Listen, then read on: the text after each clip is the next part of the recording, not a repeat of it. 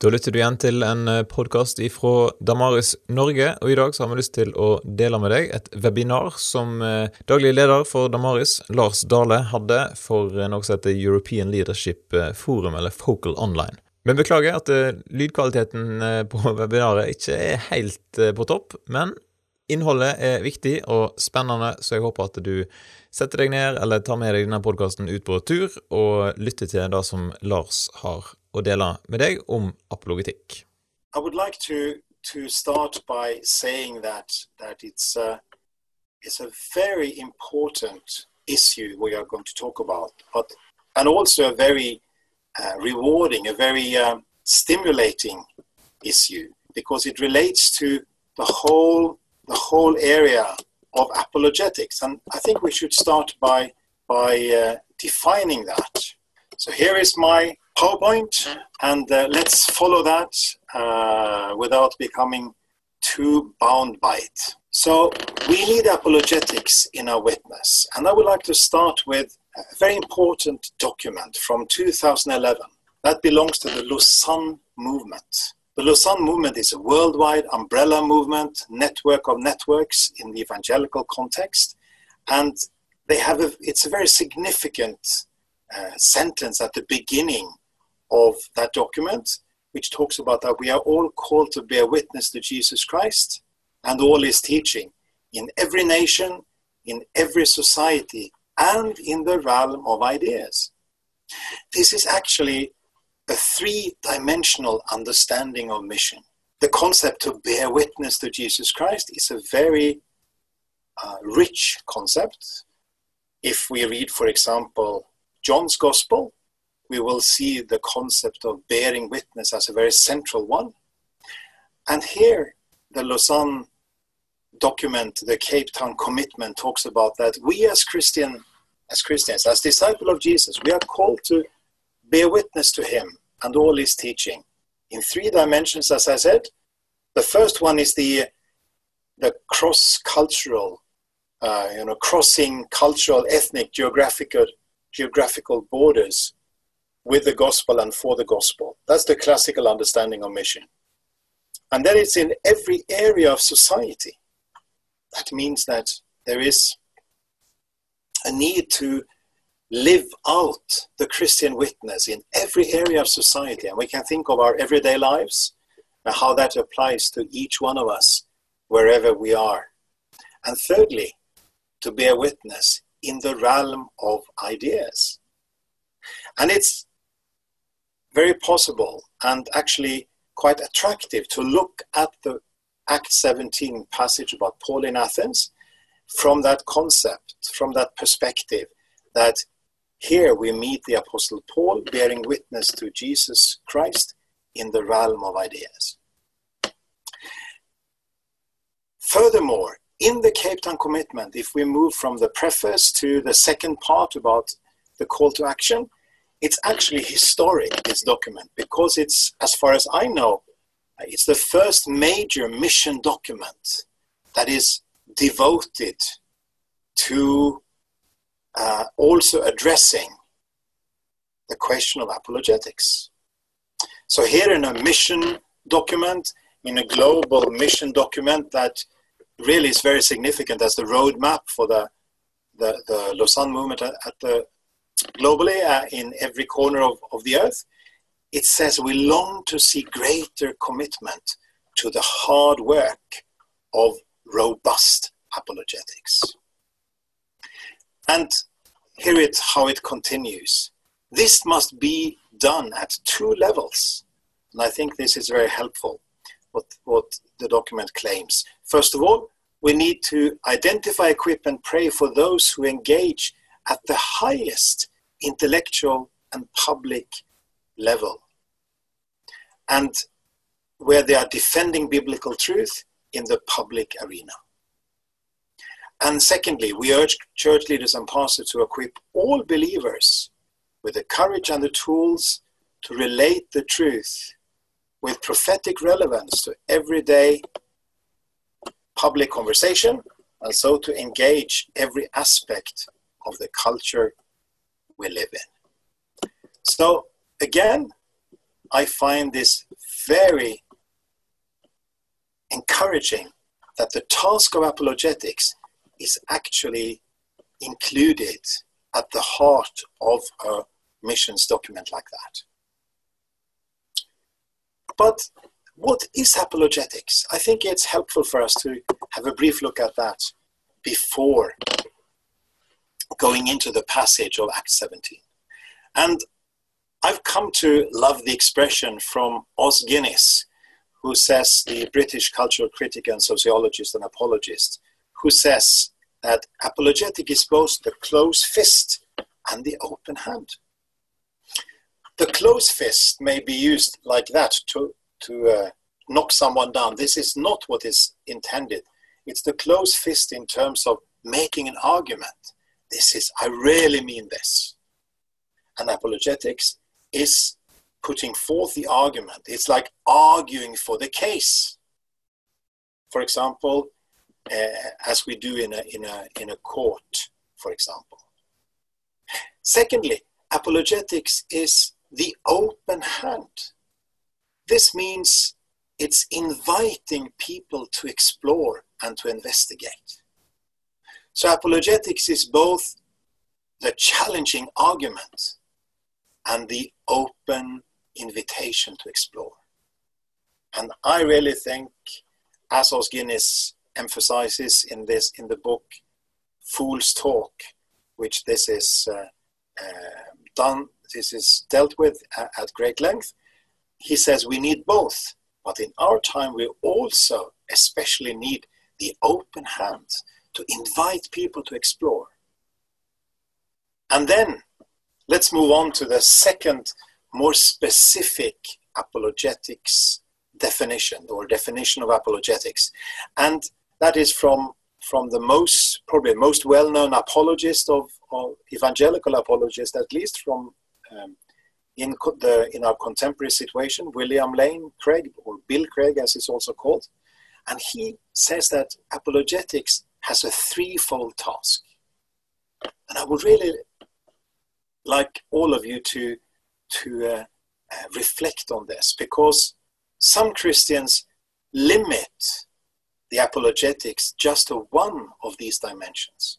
But I think it's very f- fruitful to include all three dimensions. And what are these three dimensions? The first one is to show to unbelievers the truth of the Christian faith.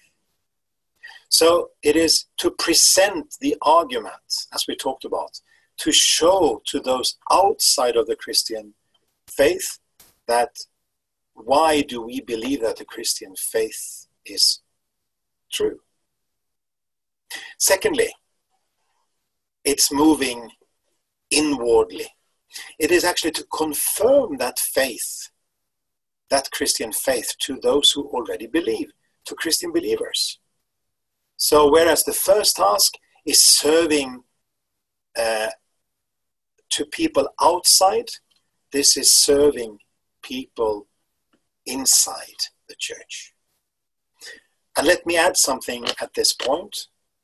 We know from statistics that many, many young believers, Christian believers, unfortunately, are leaving the church or considering whether they should leave the church. And it's no doubt that one of the reasons for that is that they have not been given the tools and the convictions and the, uh, what they need in order to, to uh, uh, grow as Christians from a child faith to an adult faith. So that's, this is definitely very important. Apologetics needs also to confirm the truth of the Christian faith to believers. And then the third aspect it is to reveal and explore the connections between Christian doctrine and other truths. That is very, very carefully phrased here.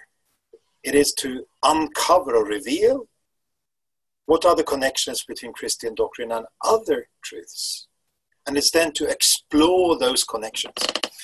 And uh, um, last week in Norway, we had a major uh, outreach and some major events called the Veritas Norway Week, where we had uh, the famous British apologist and Bible teacher John Lennox visiting, which was a great joy, and that included exploring, revealing, and exploring, to use this, these terms here, the connection between Christian doctrine concerning creation and other truths within the whole area of science, as one of the things that happened in our part of the world last week.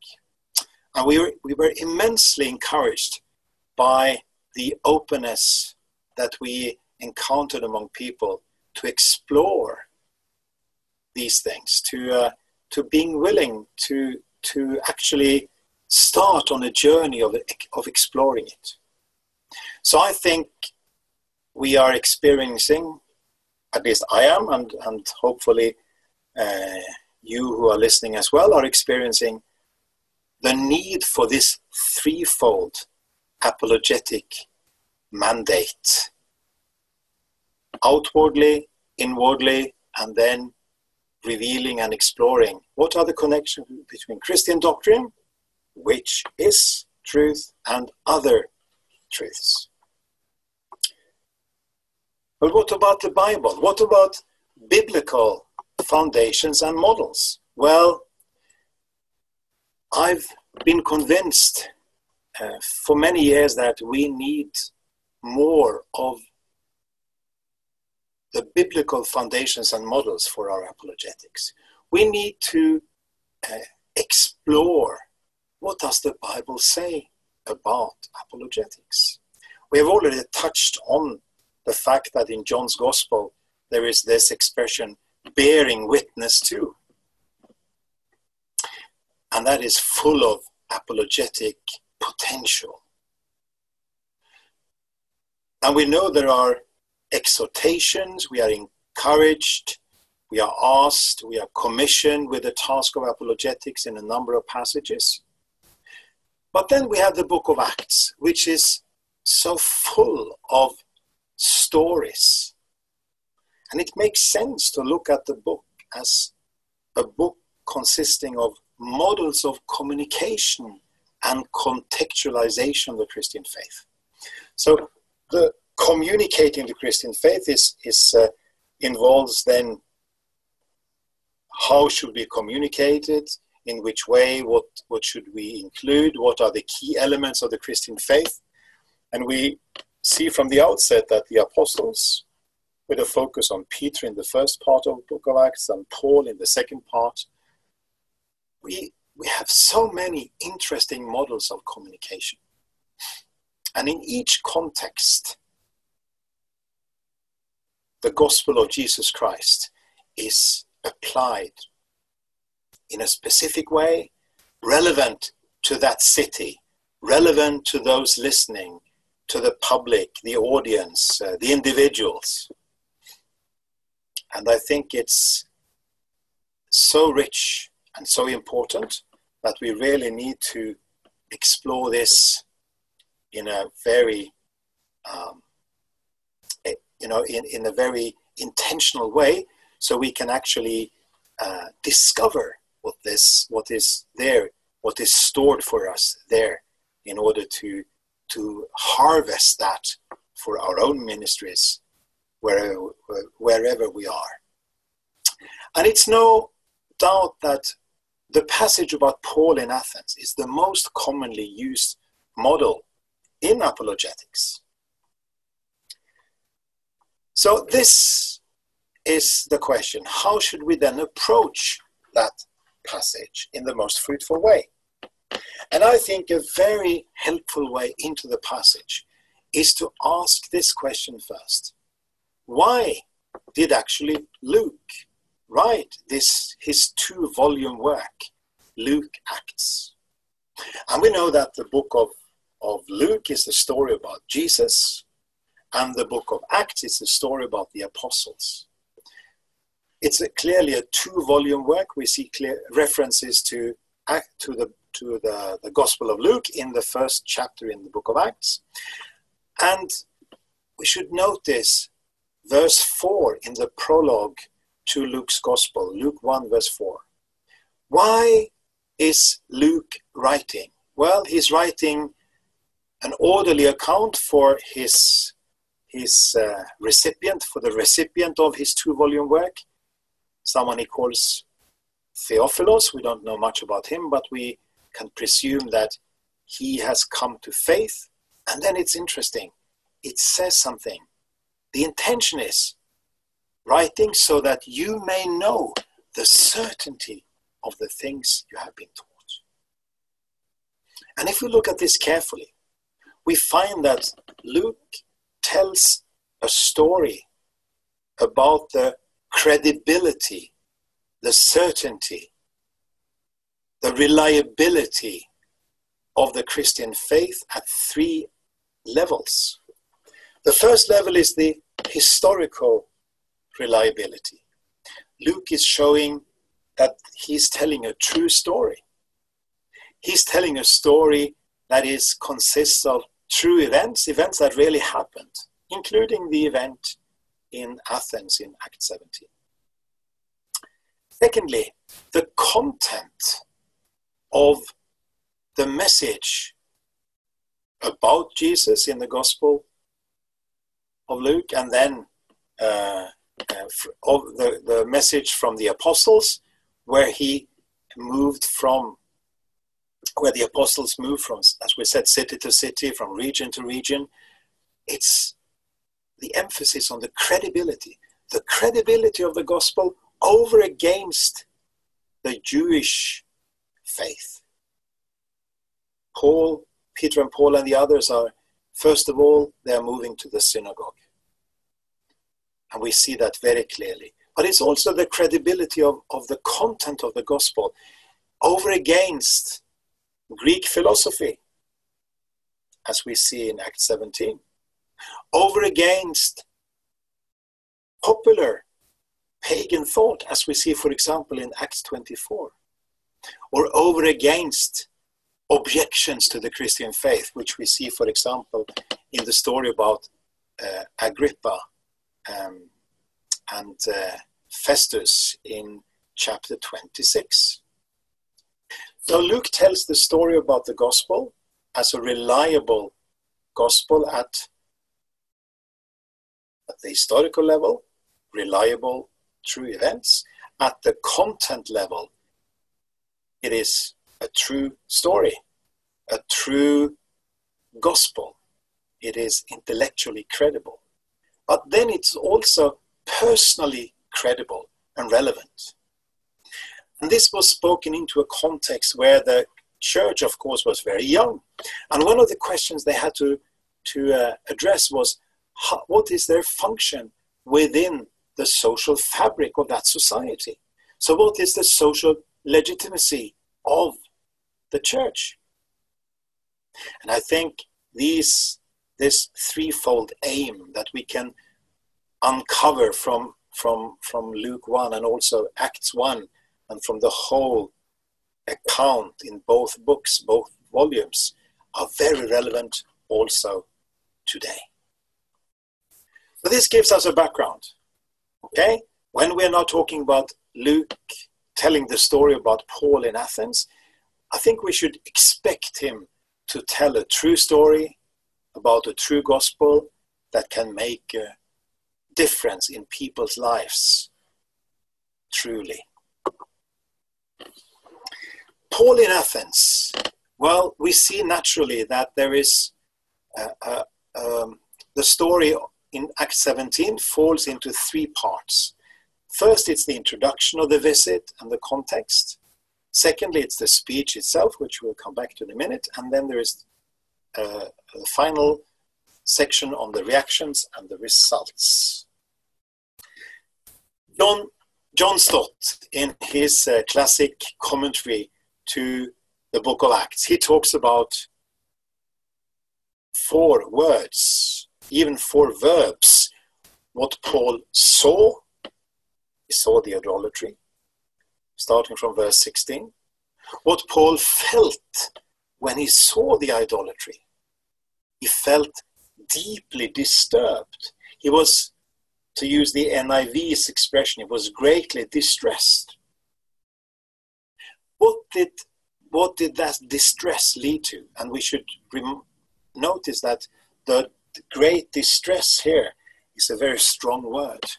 It's actually used by in the Old Testament uh, um, of God when he is jealous and doesn't tolerate any rivals, any other gods. So Paul felt appalled by the idolatry, all the altars, all the temples, everything that pointed to God was not given the glory and honor. So he felt greatly distressed. What did that lead to? Well, we would, you know, naturally maybe have thought that Paul then went out protesting directly, strongly against the idolatry. But it's very interesting to see that Paul seemed to be restrained, even though he had this deep inner feeling. He was thinking about how can I contextualize the message, the gospel about Jesus, into this specific context. So what did he do? Well, he started in the synagogue, but that receives fairly any focus in, in, in Luke's story here. And we find that he's engaging in the agora, in the marketplace of Athens. And maybe some of you have, have visited Athens. It's a glorious city with uh, so many wonderful old uh, ruins and old uh, memorial memorials of various kinds. And one of them, the key, is the key area at the center of ancient Athens, which was called the marketplace or the agora. And actually, it makes sense if we see the whole passage after Paul had been to the synagogue, actually acted out in the marketplace, in the public square of ancient Athens.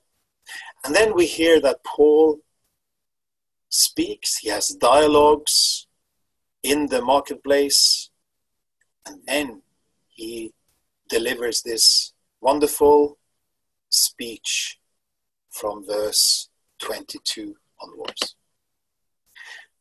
From another perspective, we may actually go through verses 16 to 21, and we would have if we had uh, more time now, but you can explore that on your own afterwards and see how Paul is actually facing questions about the Christian faith.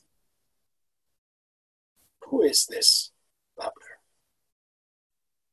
He's facing objections about foreign gods. He's facing objections. People are looking down on him. And there are a number of examples in, these, in this passage about such questions and objections. And he is also facing worldview alternatives. And the, the two ancient philosophies are mentioned Stoicism and Epicure, Epicurean, Epicureanism.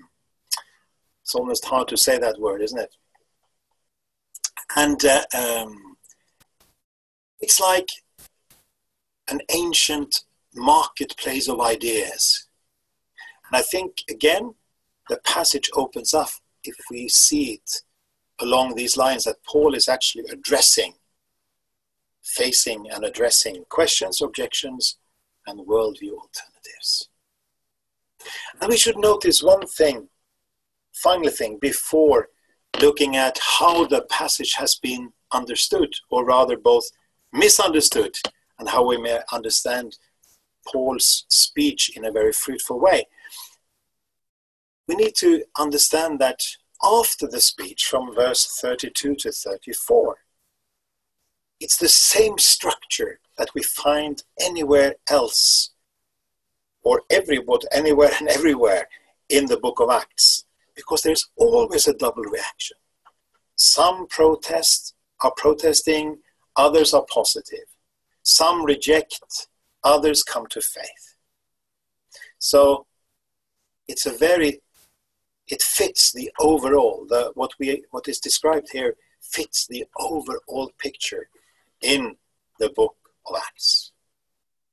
But let us now look at various ways in in how how people have approached this passage, also in terms of apologetics.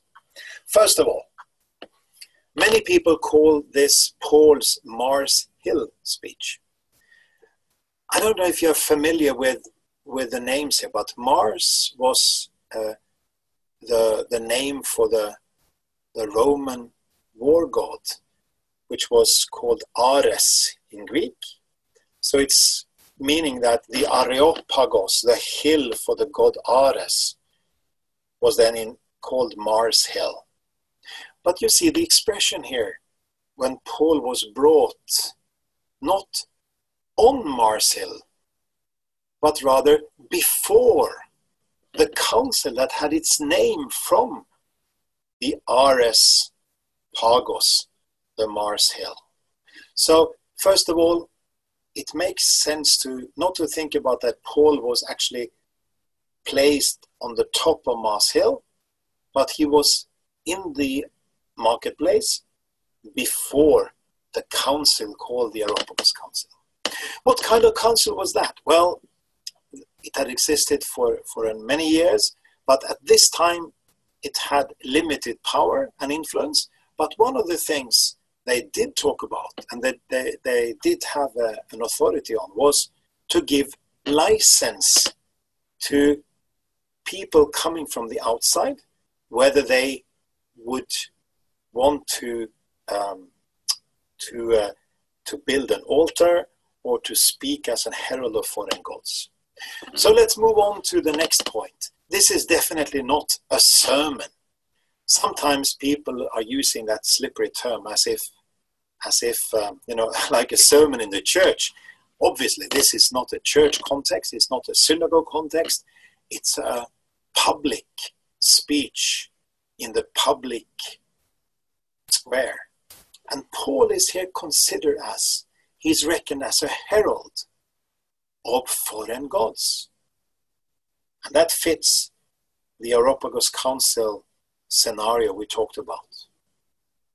So, again, in the next point, this is not a formal defense speech. This is not a formal court speech. But what Paul is doing is he addressing the question of whether he should be allowed to speak and to build an altar as an herald of foreign gods. Furthermore, I think it's fascinating to note that despite the fact that this passage has been used in so many textbooks and uh, so many lectures and presentations as something which you could call the speech is like a, a, a introduction to how to address, uh, how to speak the gospel to people who have never heard it before. And of course, there is some truth in that. But strictly speaking, it is not the first time the Athenians heard about Jesus and about the gospel. Because, as we have already seen, the whole introductory part from verse 21 to uh, sorry, from verse 16 to 21, is includes uh, the fact that Paul, it says, preached the gospel of Jesus and the resurrection. So, in the marketplace, Paul had already addressed that. He had already put that on the agenda. That was now something people had heard for the first time. But that doesn't mean, that didn't imply that that they understood it, that they grasped it, because they came there with their filter, with their uh, their worldviews, it like eyeglasses, looking through through uh, them to what they what they share together. So this is not a missionary primary in the strict sense of the word, but it's a follow up speech where Paul gets the opportunity to prepare for a, we don't know for how long, but the text indicates that it was a, for a certain amount of time, and then present a brilliantly structured, structured speech where he addresses, and that's my final fifth point Athenian questions, objections, and worldview alternatives. So, this is not a mistake what Paul is doing here. Um, some people have, for example, built a case based on on on First Corinthians two that Paul said that when I uh, I came to you, it was not with words of wisdom. And remember, Paul moved from Act 17 to Act 18, from Athens in, in Act 17 to Corinth in 18. So s- some people here are saying that some commentators would, would prefer to think about the Athenian, con- the Athenian uh, uh, event as something that is not a model for us. But I would, I really, I'm really convinced that is a mistake because the whole approach that Paul takes is actually it co- it corresponds with Luke's intention, as we've already seen. It corresponds with an overall pattern within the whole book of Acts, and it's actually set in a tradition that Paul is an apologist, as we as I'm claiming here in, in this final point, it's an apologetic speech. And Paul is actually building on uh, older Jewish traditions, apol- apologetic traditions, and we can see that later on followed up in Justin Martyr and others, 100, 200 years after Paul is speaking here. So, Paul's Areopagus speech is highly significant but often misunderstood. I think that one way of looking at the passage is what the very famous New Testament scholar N.T. Wright. He notes that Paul's approach in Athens may be compared to a chess game, where Paul is the grandmaster taking on all the players of Athens at once. I don't know if you enjoy chess. I'm a very poor player, but I enjoy looking at it when I have time. And uh, uh, you might even know that there is a famous Norwegian chess player, Magnus Carlsen, who is uh, has has been on the top of of um, uh, the world championships for for some years. Anyway, the point is that you may have seen the pictures, may even have participated in that that there is a famous grandmaster coming to town, and then all the mid-level players in, or at least a selection of them, gathers around, and uh, there are maybe 20, 15, 10 tables set up, and the grandmaster walks from table to table, taking on all the players at once. And I love that illustration in terms of Paul's approach in Athens, because what Paul is doing, he's actually taking on the Stoics taking on the Epicureans, taking on the Areopagus Council, taking on the popular uh, religious beliefs, and so on and so on, and going back again, starting over again. And it's fascinating because when he is affirming that there is some truth in Stoicism, at the same time he is criticizing Epicureanism. And on the other hand, when he's saying that there is some truth in Epicureanism, he's then criticizing Stoicism. So I like the picture. Paul as a ground master. I think that's very helpful. So, what is Paul's argument then? Well, Paul starts with building bridges with the audience. He starts by establishing points of contact. So, that's a very clear aspect, uh, clear fact when we look at this passage. And of course, the, the most important point of contact is found in this mysterious, almost altar to an unknown God.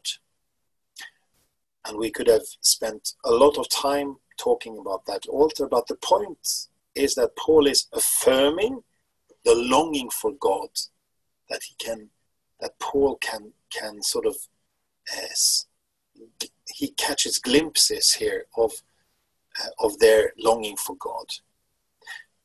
But there is also another aspect in that altar, and that is the fact that if that altar claims that God is unknown, what about all the other altars? They are claiming knowledge about the gods. So, if so, that altar acts as an indirect, implicit critique of all the other altars. And in fact, that is here connecting to the Socratic uh, critique of idolatry. You know, Socrates, the famous, very, very famous Greek philosopher, he was very strong on his, in his critique of idolatry. But there's also something more about the altar to an unknown God. And that's the fact that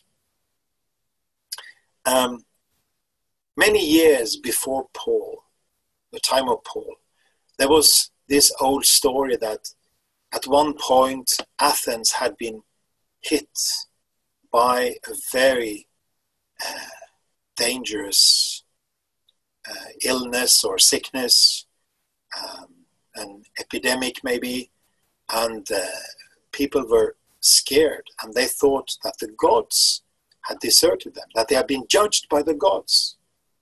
So they tried to please the gods by off, offer uh, various uh, offerings to them. But then someone started to say to, to the other one, What about if we had, have we forgotten any gods? How are we sure that we know which gods are behind this awful thing that is happening to us?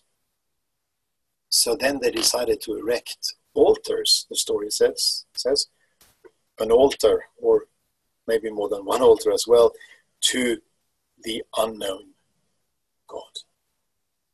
Anyway, so the altar to an unknown God is a very important point of contact. There are other points of contact, but it really illustrates the importance of bridge building, of affirming, finding, identifying something within the culture that is possible to have as a bridgehead. And then Paul moves on to say that the glimpses that we are seeing in this point of contact, in this case, especially the altar, is actually God Himself, the creator of heaven and earth, speaking to us, connecting to us. And this is what I call the natural theology argument. That Paul is sort of contrasting their worldviews with the worldview of the Old Testament and of Jesus, believing in one God who has created everything, the God of heaven and earth. Which of these worldviews make most sense of reality? And Paul's argument is that the natural theology argument is that um, the God of the Bible makes most sense, much more sense of the world and of human beings than any other worldview. So, if God is the creator of everything, if God is the author of life, he has authority, ultimate authority over life. And that is the third argument. Paul is talking about judgment, which was one of the things that that we talked about that was introduced via the altar to an unknown God.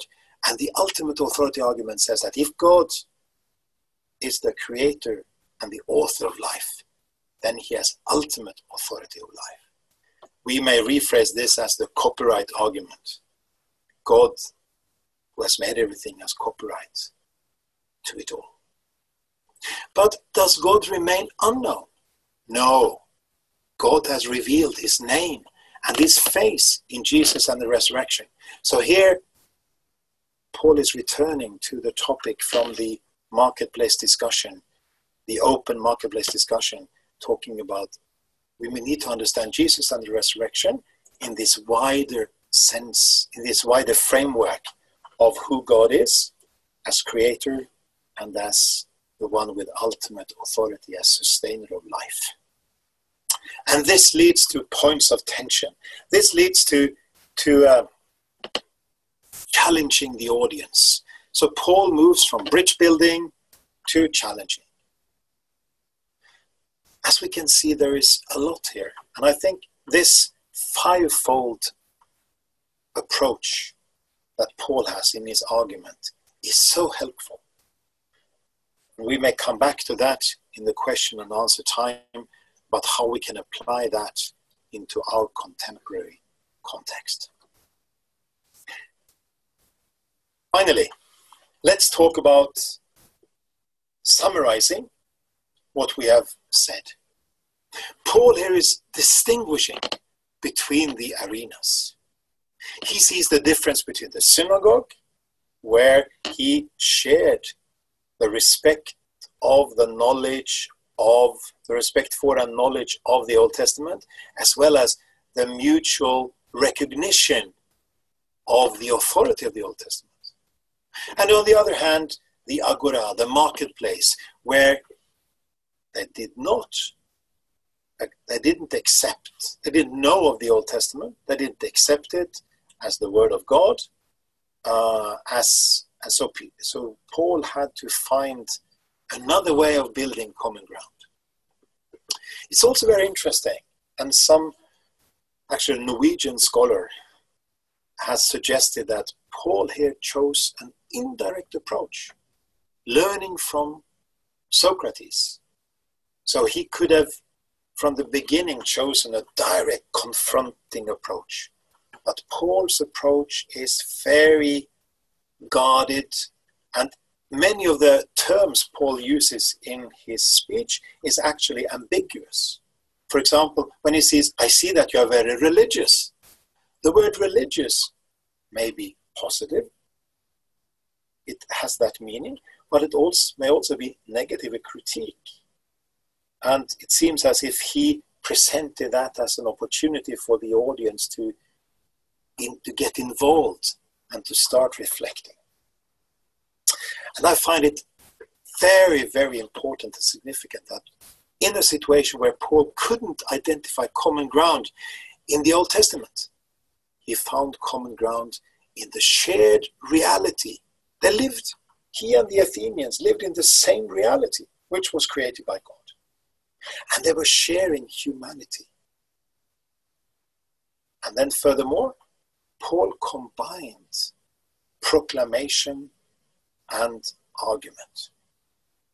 He was proclaiming the gospel and he was arguing for the truth of the gospel. Furthermore, he contextualized the gospel.